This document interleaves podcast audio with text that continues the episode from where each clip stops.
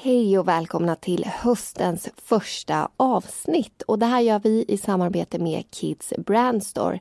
En butik på webben och även runt om i Sverige som säljer hållbara och snygga kläder till dem mellan 8 och 16 år.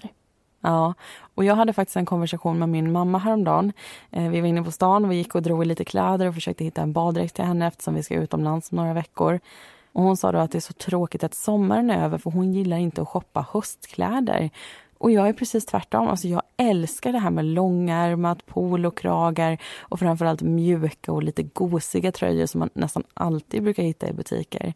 Och jag såg att Kids Brand Store de hade en sån här riktigt fluffig luvtröja för både killar och tjejer från märket Grunt. Ska man handla något får man inte missa att använda rabattkoden Modepodden. Då får man 20 rabatt på ett helt köp. Och med det ska vi bege oss till Töreboda.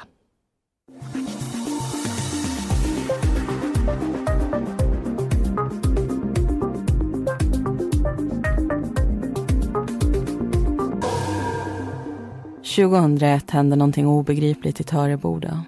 Polis och kriminaltekniker kallas till en äldre mans bostad en kväll efter att hans syster gjort en makaber upptäckt. När de kliver in i villan och ser kroppen förstår de att det inte rör sig om ett vanligt mord. Mannen har blivit utsatt för ett besinningslöst våld och efteråt har kroppen skändats. Den lokala polisen ber om hjälp och snart är både gärningsmannaprofilgruppen och länskriminalen involverade i fallet. De analyserar och går igenom register. Samtidigt sprider sig ett rykte att mannens mördare går runt i stan och visar upp en trofé.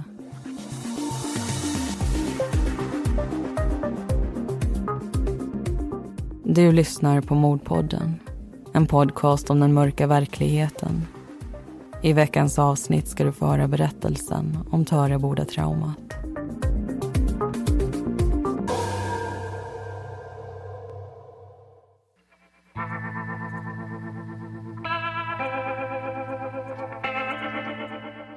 Mellan Vättern och Vänern, Mariestad och Karlsborg ligger Töreboda. En tätort med några tusen invånare. Samhället är delat i två då det välkända vattendraget Göta kanal löper rätt igenom. Och tvärs över det går järnvägen. Längs kanalen kan man se både ståtliga villor och industrier. På den västra sidan ligger restauranger, affärer och Töreboda stationshus. På den östra campingen, villaområden och en skola. En av invånarna i staden är Tor. Han bor i utkanten av den västra sidan i en äldre tvåvåningsvilla. Även han själv är äldre, 89 år. Ett åstadkommande som kommer bli än mer imponerande om han når 90-årsstrecket. Men dit kommer den gamla enkemannen aldrig komma. För i samma stund som många njuter av våren har någon precis kläckt en mörk plan som involverar Tor. Om bara någon minut kommer det ringa på hans dörrklocka. Och vad som händer efter det kommer förändra det annars så lugna lilla samhället. En tisdagskväll i maj 2001 kommer Tors syster och systerson hem till honom. De har inte hört ifrån honom på ett dygn och kliver in i den låsta villan. Där möts de av en syn som etsar sig fast på hornhinnan. Tor ligger död i trapphuset. Hans kläder är fuktiga Ovanpå honom ligger ett lager av ljust pulver. Han har fått flera slag mot huvudet. I kroppen sitter fyra knivar och vid ena ögat en femte. Polis och tekniker kallas omedelbart dit. Man ringer också till länskriminalen. Yngve har arbetat på polisens tekniska rotel i några år och är van att befinna sig på brottsplatser. När klockan är runt elva på tisdagskvällen är han framme vid villan Kollegorna från landskriminalen är redan där. De går tillsammans igenom vad man vet hittills och Yngve får en bild av det som väntar honom. Men den tekniska undersökningen får vänta till morgondagen. Huset består av två våningar och en källare. Där finns två allrum, kök, kontor och sovrum. Vid ena kortsidan har man gjort en utbyggnad med hall och toalett. Det är på nedre våningsplanet, mellan hallen och köket som trapphuset är beläget och det är där man finner Tors kropp. Yngve ser att golvet är täckt med en brun matta och Tor ligger på rygg med fötterna på tröskeln. Ena handen instucken i hans ficka. Ett tecken på att attacken måste ha kommit från ingenstans och att Tor varit helt oförberedd. De fuktiga kläderna får sin förklaring när Yngve ser sig om i utrymmet. Där står två tomma flaskor. En som innehållit olivolja och ytterligare en plastflaska. Det ljusa pulvret som hällts över kroppen är i själva verket mjöl blandat med sockerbitar. När Yngve gått igenom brottsplatsen uppdaterar han sina kollegor om fynden. Han berättar att Tor slagits i huvudet med någonting trubbigt och att det första slaget har utdelats i hallen. Att Tor sen måste ha fallit till marken och slagen fortsatt att hagla. Intill kroppen har man hittat en mindre hammare. Men det är inte den som har använts. Troligen är det den andra hammaren man hittar. En större sån som återfinns i diskhon i köket som är mordvapnet. Flera spår tyder dessutom på att det har varit två gärningspersoner. Fynden väcker många frågor. Framförallt vem eller vilka man letar efter. Vilken typ av person som skulle kunna begå ett så bestialiskt mord. För att få svar på det tar man kontakt med en av Sveriges gärningsmannaprofilgrupper. De tittar närmare på tillvägagångssättet och gör en slagning i sina register för att se om det matchar något annat fall. Men det gör det inte. Samtidigt sprider sig nyheten om Tors mord i samhället. Folk blir oroliga. Kanske går en hänsynslös mördare mitt ibland dem. Kyrkans personal ordnar fram en stödlinje som folk kan ringa till och polisen arbetar för fullt för att lösa brottet så snart de kan. De knackar dörr och pratar med människor som rört sig i området under måndagskvällen. Det är nämligen då man tror att mordet skedde. Kroppen skjutsas iväg för en rättsmedicinsk undersökning och man kan snart konstatera att våldet mot huvudet varit dödsorsaken. Men Tor har fler skador. Revbensbrott och 23 sticksår i bålen. Knivhugg som gjorts efter hans död. Och så en sak till. Hans högra öga har plockats ut och det finns inte på brottsplatsen. Någon har tagit en trofé.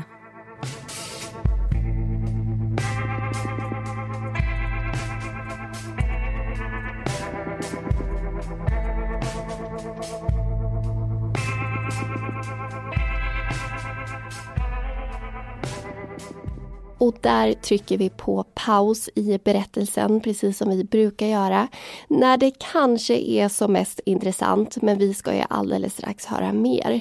Men först vill vi passa på att välkomna er till säsong 11 som alltså kommer handla om Västergötland. Och den här hösten den kommer bestå av två säsonger och varje säsong kommer i sin tur bestå av sex avsnitt. Så ni har alltså 12 avsnitt framför er den här hösten. Mm. Och jag tänkte vi skulle prata lite om researchen som vi gjorde inför just det här landskapsvalet. Vi kollade ju på flera olika landskap som ni har önskat genom åren sedan dess vi började Mordpodden faktiskt. Och Västergötland stack ju ut på två väldigt specifika sätt. Dels så var det många av er som ville att vi skulle ta upp fall just därifrån. Men också så fanns det så väldigt många fall att ta upp. Alltså vi har gjort ett urval av alla de här fallen som vi har hittat så vi hoppas att ni ska tycka att det är intressanta fall som ni också lär er någonting ifrån. Och har ni önskningar så fortsätt att önska på. Vi finns ju på Facebook, Instagram. Ni kan också nå oss på mordpodden gmail.com om ni vill att vi ska ta upp ett specifikt eh, fall som ni har en koppling till eller som ni bara tycker är intressant, så hör av er. Och ni brukar vara till väldigt stor hjälp faktiskt när det kommer till researcharbetet. Och med det sagt så styr vi tillbaka till Töreboda 2001 när det här fallet sker. Vi har ju berättat om den syn som möter utredarna den här kvällen och det är främst två saker vi ska diskutera. Dels vad motivet är, men också den här trofén som Tors mördare verkar ha plockat med sig, för de hänger faktiskt ihop. Motivet till ett mord, det vet vi ju, det kan vara väldigt olika saker. Är det ett rånmord handlar det förmodligen om pengar, men är det ett relationsmord till exempel så kanske det snarare handlar om kontroll eller svartsjuka. Och i det här fallet så är man ganska förbryllad över vad motivet kan vara, alltså varför det här mordet sker. Ja, Man har ju svårt att se vad som skulle kunna orsaka ett, så besinningslöst våld och just också den här skändningen av kroppen som du pratade om möter polisen när de kommer till den här brottsplatsen. Och det är därför man också tar in hjälp. Man pratar med landskriminalen och man har den här gärningsmannaprofilgruppen också involverad i det här fallet. Och ibland kan man ju se en antydan till motivet ganska tidigt i utredningen. Och det gör ju att det är lättare att också leta efter rätt typ av gärningsperson. Har man ett rånmord, ja men då tittar man i en viss krets vilka skulle kunna veta att den här personen hade pengar och också gå vidare och göra någonting åt det och så vidare. Men ibland så måste man ju vänta tills man sitter där i förhörsrummet med just förövaren för att de själva ska förklara varför man har begått den här handlingen, vad det var som hände. Och så är det i det här fallet. Vi får vänta lite. Say hello to a new era of mental health care. Cerebral is here to help you achieve your mental wellness goals with professional therapy and medication management support. 100% online. You'll experience the all new Cerebral Way, an innovative approach to mental wellness designed around you. You'll get a personalized treatment plan from a therapist, prescriber, or both in a safe and judgment free space. Your cerebral therapist or prescriber will outline a customized plan with clear milestones along the way so you can get to feeling your best. With Cerebral, you're not alone in your mental health journey. We're here to empower you to live a fulfilling life. So take that first step towards a brighter future and sign up today at cerebral.com slash podcast and use code ACasts to get 15% off your first month. Offer only valid on monthly plans. Other exclusions may apply. Offer ends July 31st, 2024. See site for details. Med svaret på den punkten.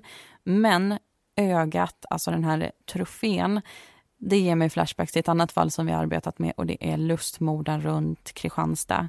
Där handlar det också om en man som mördade. Han attackerade och mördade faktiskt två kvinnor.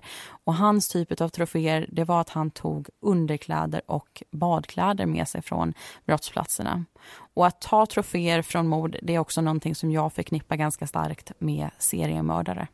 Och anledningen till att mördaren tar en trofé är ofta för att personen vill återuppleva mordet och för att ha en fysisk koppling till något som eh, personen då fick någon typ av njutning eller tillfredsställelse av att utföra. Och det behöver inte vara sexuellt, men man kallar den här typen av mord för lustmord. Det är alltså lusten som driver en till att begå den här gärningen.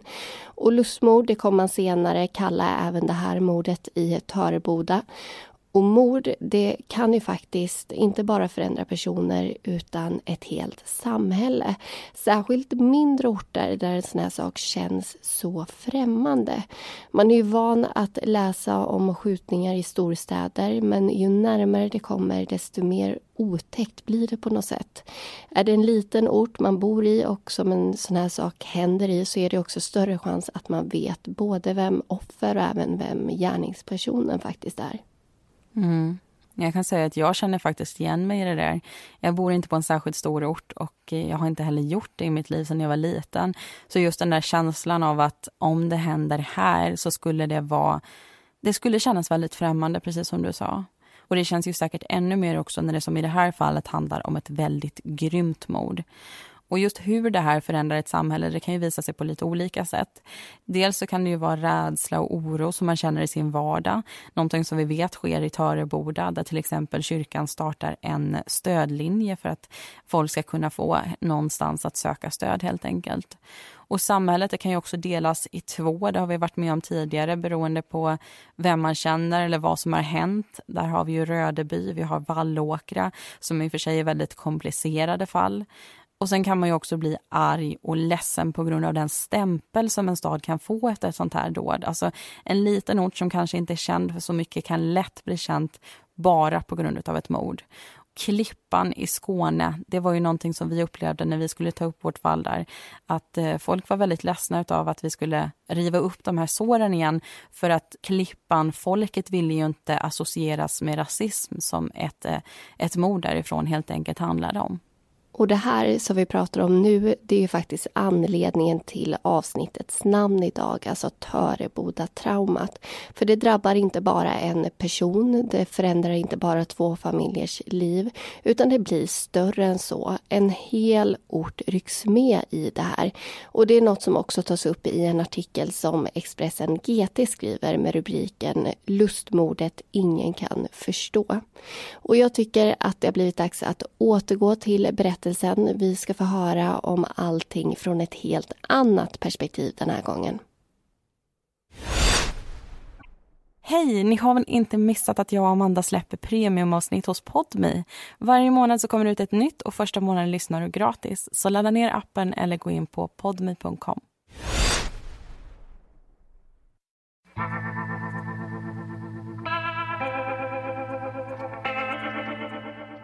Tonåren är en tid för utveckling. En tid att testa nya saker och gå från att vara barn till att bli vuxen. Kanske går man från blyg till utåtriktad. Från vilsen till någon som vet precis vad de vill göra med sitt liv. Eller så går det åt andra hållet. För att testa nya saker och utvecklas måste vi begå misstag. Det är så vi växer, genom att göra fel. Men vissa misstag är svårare än andra att komma ifrån. Och en sak vi ofta testar är alkohol. Öl, vin och sprit har många gånger en plats i människors vuxna liv. Därför är det inte konstigt att man i tonåren vill testa just de sakerna. Man dricker så det knappt känns ena gången och nästa gång så man inte minns vad som hänt. Man lär sig hitta sin balans. De flesta dricker därefter bara lagom mängder. Då och då när det är helg eller fest. Men vissa är redan fast. De känner att de behöver alkoholen oftare än så. På en måndagskväll eller direkt när de har vaknat. Kanske ger det fortfarande ett rus, gör en avslappnad. Eller så dricker man bara för att känna sig normal. Liam och Lukas bor båda två i Töreboda. De går i samma årskurs. Båda är rätt så blyga av sig men trivs i varandras sällskap. Under högstadiet blir killarna vänner och under sommaren 2000 bästa vänner. Det är de två mot världen och det betyder någonting. De går igenom det bra och det dåliga tillsammans. Båda kommer från familjer där mamma och pappa inte längre bor ihop. Liams föräldrar separerade för bara något år sedan och det är fortfarande jobbigt i perioder. Liam tycker om skolan, har spelat hockey och har bra betyg men kämpar samtidigt mot en depression. Lukas i sin tur har alltid varit tystlåten och haft svårt att skaffa vänner. Han vet inte riktigt vad han vill göra med sitt liv utan hänger gärna på andras beslut. Liam är hans första bästa vän. Därför är vänskapen extra viktig för honom. När killarna går i nian börjar de likt många andra dricka alkohol. Oftast är de tillsammans med ett par andra killar och för det mesta dricker de hembränt. Spriten tar bort hämningarna och gör dem glada och uppspelta. Flera gånger hittar Lukas och Liam på olika upptåg och har så roligt man bara kan ha. De börjar dricka mer och mer, oftare och oftare. Efter skolavslutningen tar sommarlovet över och när hösten anländer har de båda kommit in på industriprogrammet i Mariestad. De försöker finna sig till rätta i en ny klass, på en ny skola och i en ny stad. Samtidigt blir Liams depression värre. Han mår sämre och sämre. Studielusten är som bortblåst. Liams mamma har märkt av förändringen och vet att han och flera kompisar dricker. Hon vill att det ska sluta nu. Att killarna ska få hjälp och ryckas upp ur missbruket. Mamman ringer därför runt till de andra killarnas föräldrar. Hon vill ta kontakt med socialtjänsten och de håller med. Socialtjänsten anordnar gruppmöten där killarna tillsammans får försöka tackla problemet. Men istället för att livet vänder till det bättre så blir det sämre. Efter någon månad av gymnasiestudier hoppar både Liam och Lukas av sina program. De hamnar istället på IV, det individuella programmet. Eftersom ingen av dem tycks ha ork eller lust för att läsa och skriva skickar man ut dem till olika praktikplatser. Fyra timmar om dagen jobbar de. Sen spelar de paintball eller sitter hemma och dricker. Ibland får de någon utanför Systembolaget att köpa ut till dem och ibland beställer de hembränt genom en vän. Hösten passerar, blir till vinter och sen vår. Liam tycker att det är jobbigt hemma eftersom det bråkas en del. Hans mamma har försökt få socialtjänsten att ge honom en stödfamilj, men ingenting händer. Under tiden har Lukas hoppat runt från praktikplats till praktikplats. Ingenting har passat och efter några dagar har han slutat. I januari pratades det om att han skulle till ett behandlingshem, men inte heller det blev av. Nu sitter han hemma sysslolös. Han har ingen skola och inget jobb att gå till. Inget syfte. Alkoholen dämpar de obehagliga känslorna och förstärker de goda. Kanske är det ett sätt för de 16-åriga killarna att döva det onda. Lukas och Liam springer inte runt på stan, kastar ölburkar på folk och bråkar med ordningsvakter. De begår inte våldsbrott och stör för det mesta ingen alls. De dricker i det tysta. Kanske är det därför ingen utomstående agerar eller förstår just hur illa det faktiskt är. Måndagen den 14 maj går Lukas och Liam hem till en vän som heter Charlie. De ringer och beställer två liter hembränt och traskar sedan vidare till Göta kanal. Killarna slår sig ner på en parkbänk och delar på spriten. En halv liter vardera och den sista flaskan ska en vän ha. Charlie bjuder och Lukas och Liam för flaskmunnen mot sina läppar för att låta klunk efter klunk rinna ner i halsen. När klockan är mellan fem och sex på kvällen kommer Charlies vän Tommy förbi. Han hejar på dem men stannar bara en liten stund innan han går vidare. Snart gör också killarna detsamma. De går hem till Lasse, en man som har alkoholproblem och en dotter i killarnas ålder. Lasse välkomnar dem in i lägenheten och får den sista flaskan sprit. De sätter sig och tittar på tv och dricker. Lukas och Liam är nu rejält berusade. När klockan är runt tio på kvällen reser Liam, Lukas och Charlie på sig och kliver ut i trapphuset. De är på väg neråt när Lukas tappar balansen och faller. Han slår i huvudet och det börjar blöda rejält från hans panna. Lasses dotter Thea är på väg upp till sin pappa när hon ser att Lukas gjort sig illa. Hon springer upp i lägenheten och kastar ner papper till honom från balkongen. Lukas trycker det mot såret och killarna går vidare. När de kommit en bit på vägen börjar de prata om att göra inbrott i en matbutik. Lukas hittar en stor sten i en rabatt, plockar upp den och lägger i sin ryggsäck. Den kan de komma att få användning av, menar han. Men det blir inget av den planen. Det är bara fyllesnack. Men så vänder konversationen. Blir mörkare och mer ödesdiger. Någon säger, ska vi mörda någon? Charlie tar direkt avstånd, men Liam och Lukas tycker att det är en bra idé. Killarna går längs med Kårtorpsgatan. På ena sidan står flera lägenhetshus, på andra sidan villor. Say hello to a new era of mental health care. Cerebral is here to help you achieve your mental wellness goals with professional therapy and medication management support. 100% online. You'll experience the all new Cerebral Way, an innovative approach to mental wellness designed around you. You'll get a personalized treatment plan from a therapist, prescriber, or both in a safe and judgment free space. Your cerebral therapist or prescriber will outline a customized plan with clear milestones along the way so you can get to feeling your best. With Cerebral, you're not alone in your mental health journey. We're here to empower you to live a fulfilling life. So take that first step towards a brighter future and sign up today at cerebral.com slash podcast and use code ACasts to get 15% off your first month. Offer only valid on monthly plans. Other exclusions may apply. Offer ends July 31st, 2024. See site for details.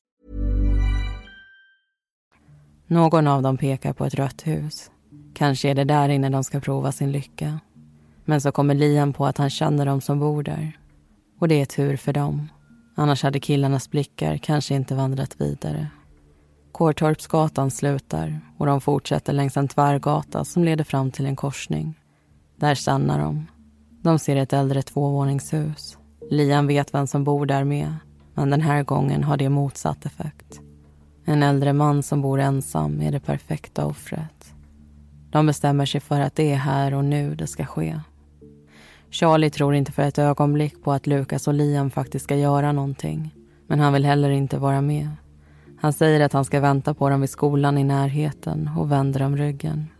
När han tittar över axeln ser han att killarna tagit sig in i trädgården. Han fortsätter att gå. Innan de når ytterdörren säger Liam till Lukas att han bott i huset när han var yngre. De går upp för stentrappan och sätter fingret mot dörrklockan. Det ringer och snart öppnar 89-åriga Tor.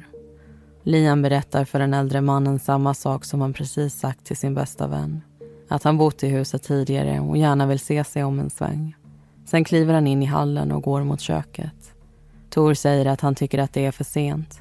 Men killarna får gärna komma tillbaka dagen därpå. Liam går tillbaka mot ytterdörren. När han och Lukas står bredvid varann känner han hur Lukas räcker över något bakom sin rygg. En hammare. Liam kliver åt sidan och Tor hamnar mellan honom och Lukas. När den äldre mannen säger någonting till hans bästa vän höjer Liam hammaren bakom hans rygg och slår. Slaget träffar i huvudet och Tor faller handlöst framåt mot Lukas. Lukas skrattar och flyttar på sig så Tor glider ner på golvet. Liam fortsätter att slå medan Lukas ser hur blodet skvätter. När Liam är klar tar de ut hammaren i köket och spolar av den i diskhon. Lukas plockar på sig lite pengar och en pipa. Sen går killarna till dörren. De trycker ner handtaget, men ingenting händer. När de inser att dörren är låst får de panik. Men så kommer de på att det finns andra sätt att ta sig ut. De öppnar ett fönster och hoppar. Sen styr de stegen mot skolgården där vännen Charlie väntar.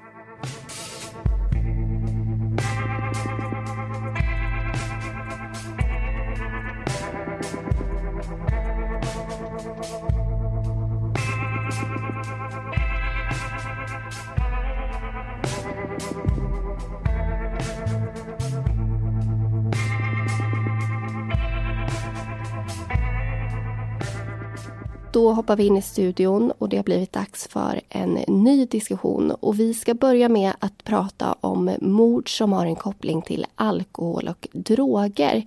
Det är den allra vanligaste typen av mord i Sverige, men den vi kanske hör allra minst om. Och det beror på att medier ofta bedömer det som mindre intressant. Allmänheten har alltså inte ett lika stort intresse för den här typen av fall. Kanske för att det är svårare att relatera till det och identifiera identifiera sig med personerna det handlar om. Den där känslan, det kunde ha hänt mig, som vi varit inne på i andra avsnitt, finns inte riktigt där om man inte själv befinner sig i missbrukskretsar. Så kanske är en anledning till att det inte pratas så mycket om de här fallen. Mm. Och många gånger så är också de här fallen rätt så enkla. Det kan vara en snedtändning som leder till att en missbrukare sticker en kniv i en annan.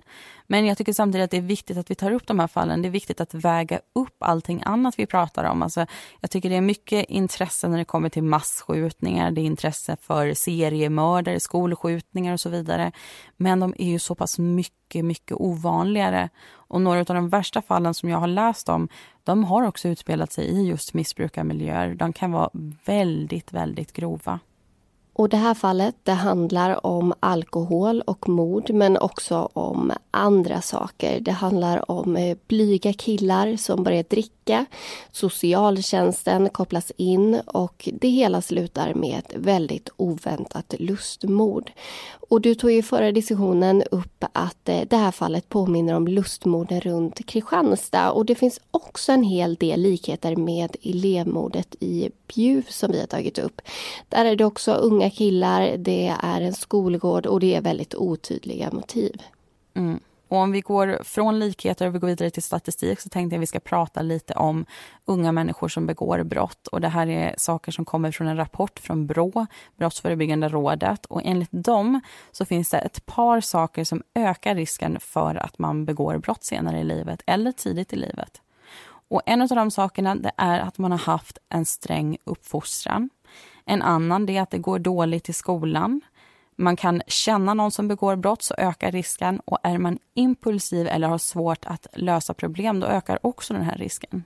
Dålig ekonomi är också en faktor även övergrepp eller missbruk och också om man har en dålig relation med sina föräldrar. Och ju fler faktorer som stämmer in desto större är då risken att man begår ett brott. Men självklart kan man känna igen sig i allt det här och ändå inte begå brott eller tvärtom.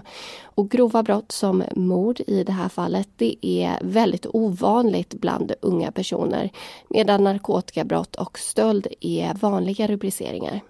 Och en sak som är väldigt genomgående i just det här fallet, det är ju impulsiviteten. Alltså en av de här faktorerna som vi ju nyss tog upp.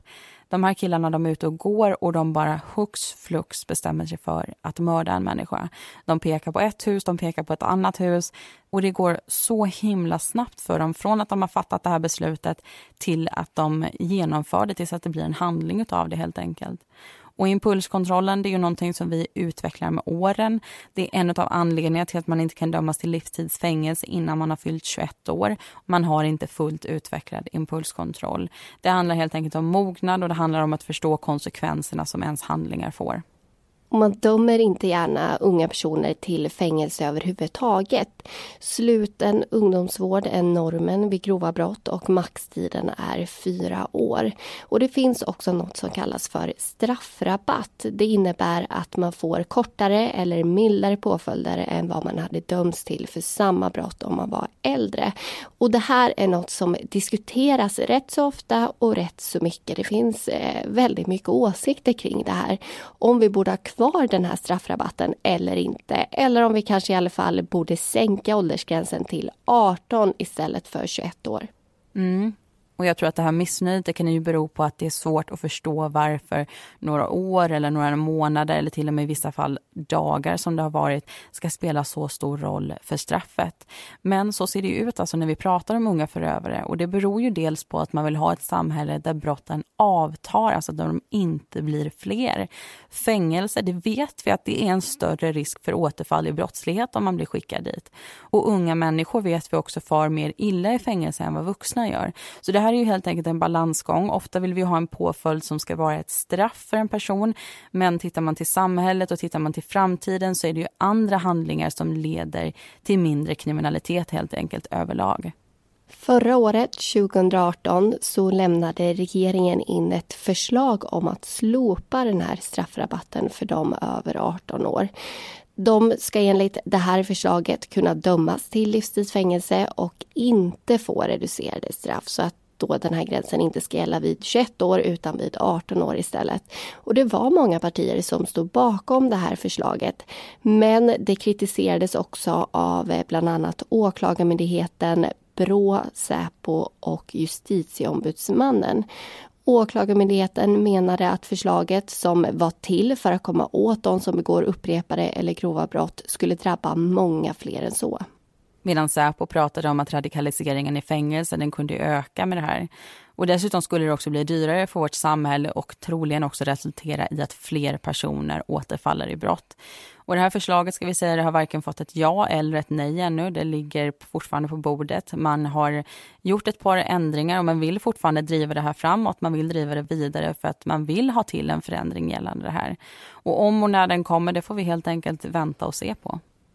Men nu har vi väntat tillräckligt på berättelsen tycker jag. Så vi plockar upp där vi slutade och hör vad som hände efter mordet på Tor.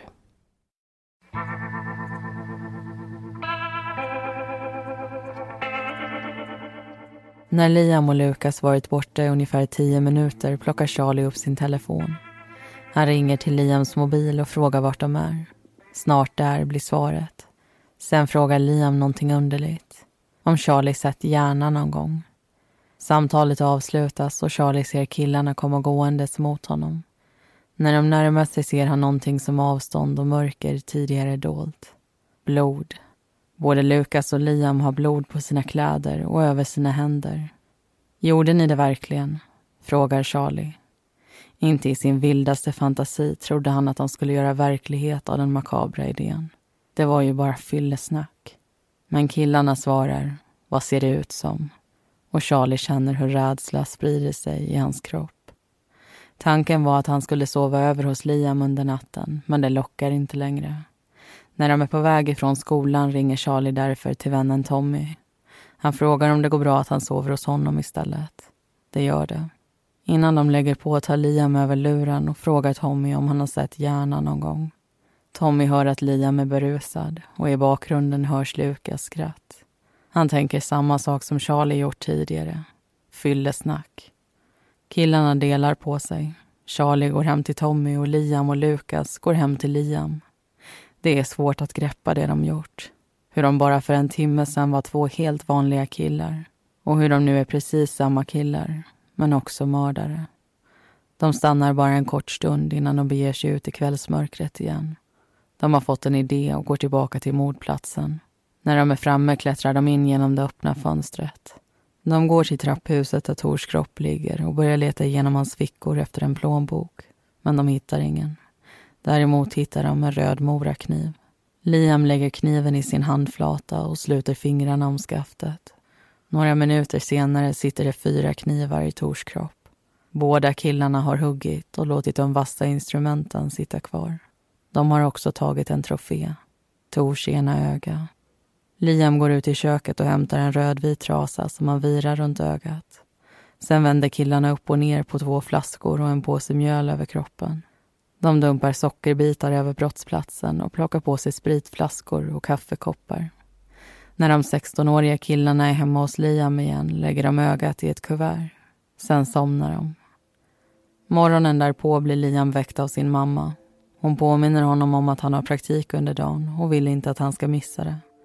När hon gått frågar Liam om Lukas minns vad de gjorde kvällen innan. Det gör han. Lukas tar med sig trofén och går hem till sig medan Liam far iväg till sin praktik. Senare under dagen träffas de och dricker av spriten de tagit från Tor. Liam ringer till Charlie och säger att han kan komma över.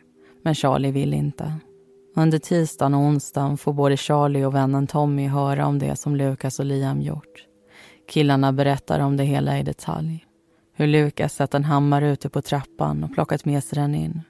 Hur han räckt över den bakom sin rygg och hur Liam använt den. De säger också att de plockat med sig en trofé. När Tommy inte tror dem plockar de stolt fram kläderna från den där kvällen. Kläder som har rödbruna prickar och streck på sig. Tommy och Charlie frågar om de inte har skuldkänslor. Men det är inget som någon av dem vill kännas vid. På torsdagen har nyheten spridit sig till många av Törebodas invånare.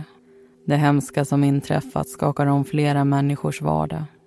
Men för Liam och Lukas är det en vanlig dag. De umgås med Charlie och tittar på film. Och mot kvällen går de hem till Lasse. När det är dags att bege sig följer Lasses dotter Thea med dem ut. De passerar Tors hus, mordplatsen och killarna stannar vid grinden. Liam säger att det var de, han och Lukas, som dödade Tor. De säger också att Lukas ryggsäck kommit bort och kan finnas kvar där inne. Killarna går fram till dörren och känner på handtaget. Låst. När de tittar upp ser de att det lyser på övervåningen och bestämmer sig för att knata vidare. Thea får ta del av samma detaljerade beskrivning som Charlie och Tommy. Och likt dem tror hon till en början inte på det som sägs. När de kommer hem till Liam plockas bevisningen fram och efter en stund vill Thea därifrån.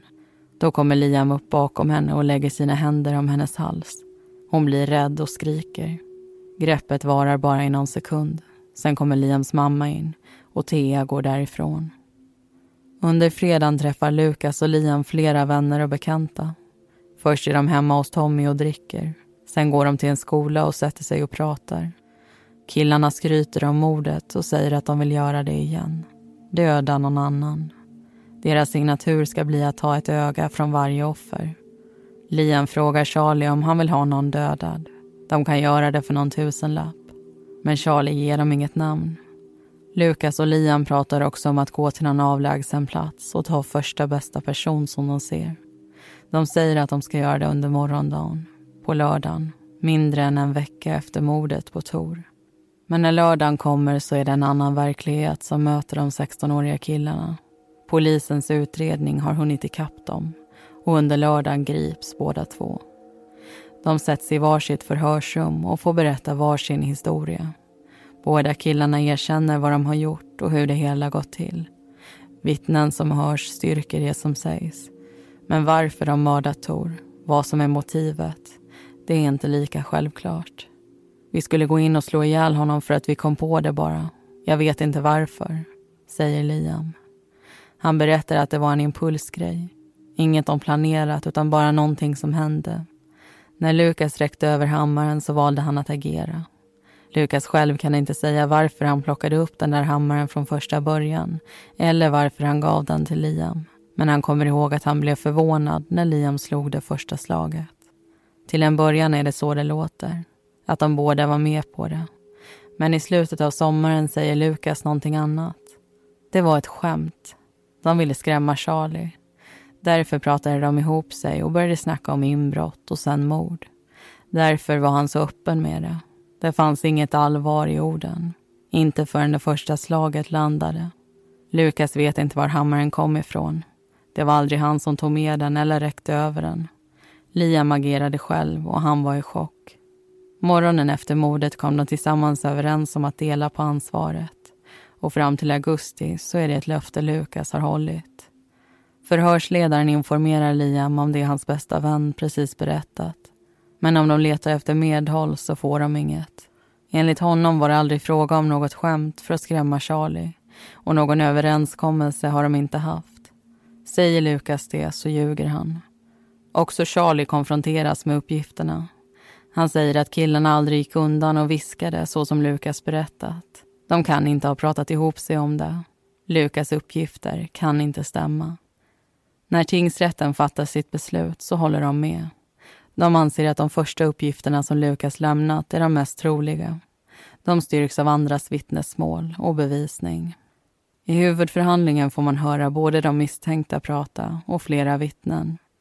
Det finns många sådana och många likheter i det de hört och sett. Detaljer som endast Tors mördare hade kunnat berätta om. Man kommer fram till att det var en impulsiv handling med väldigt liten planering. Det var två unga killar som mådde dåligt och hade druckit stora mängder alkohol som tog Tors liv. Det är ena sidan av det. Men på andra sidan är resultatet. Ett bestialiskt lustmord på en 89-årig man. Lukas och Liam slog och knivhögg. De återvände till brottsplatsen, plockade med sig en trofé och pratade om att begå ett nytt mord. Det är oroväckande. Båda killarna går igenom en rättspsykiatrisk undersökning. De har båda någon form av psykisk störning men de är inte allvarliga nog för att rättfärdiga rättspsykiatrisk vård. Därför bör påföljden bli någonting annat. Domare och nämndemän sätter sig och diskuterar efter huvudförhandlingens slut. De kommer fram till att om killarna hade varit vuxna så hade brottet varit grovt nog för att domen skulle bli livstidsfängelse. Men de är inte 21 år. De är 16. Inte gamla nog för att ha körkort eller gå på nattklubb och inte gamla nog för att skickas till fängelse. Därför dömer man dem till sluten ungdomsvård. Liam för mord och Lukas för medhjälp till mord. Båda döms också för brott mot griftefrid. Liams påföljd blir fyra år och Lukas tre och ett halvt år. Men domen överklagas och hovrätten fattar ett annat beslut. De tycker att Lukas har varit lika delaktig som Liam, vare sig han har slagit eller inte. Därför döms även han för mord och får fyra års sluten ungdomsvård. I Töreboda återgår allt till det normala. Eller så normalt som det kan bli efter allt som har hänt. Mordet har dock satt sina spår. Bland familj, vänner och klasskamrater. De har på något sätt alla en koppling till det. Och det finns så många frågor kvar utan svar. Hur kunde två unga blyga killar begå en så hemsk handling? Tonåren är en tid för utveckling. En tid att testa nya saker och begå misstag. Men ibland vill man bara spola tillbaka bandet sudda ut sina misstag och starta om. Tyvärr finns det ingen knapp för det. Och det enda vi kan göra är att låta misstagen lära oss någonting och lära oss själva att leva med dem.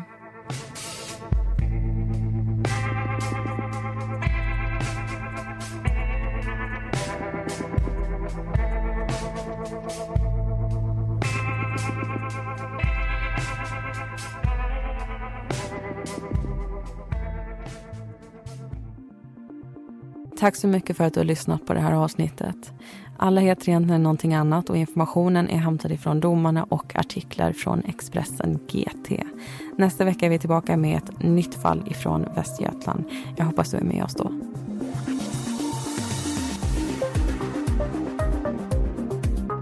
Vi som gör Mordpodden heter Linnea Bolin och Amanda Karlsson. Bakgrundsmusiken består av låtarna Lasting Hope, Lightless Dawn och Soaring av Kevin MacLeod samt Deep Space av Audionautics.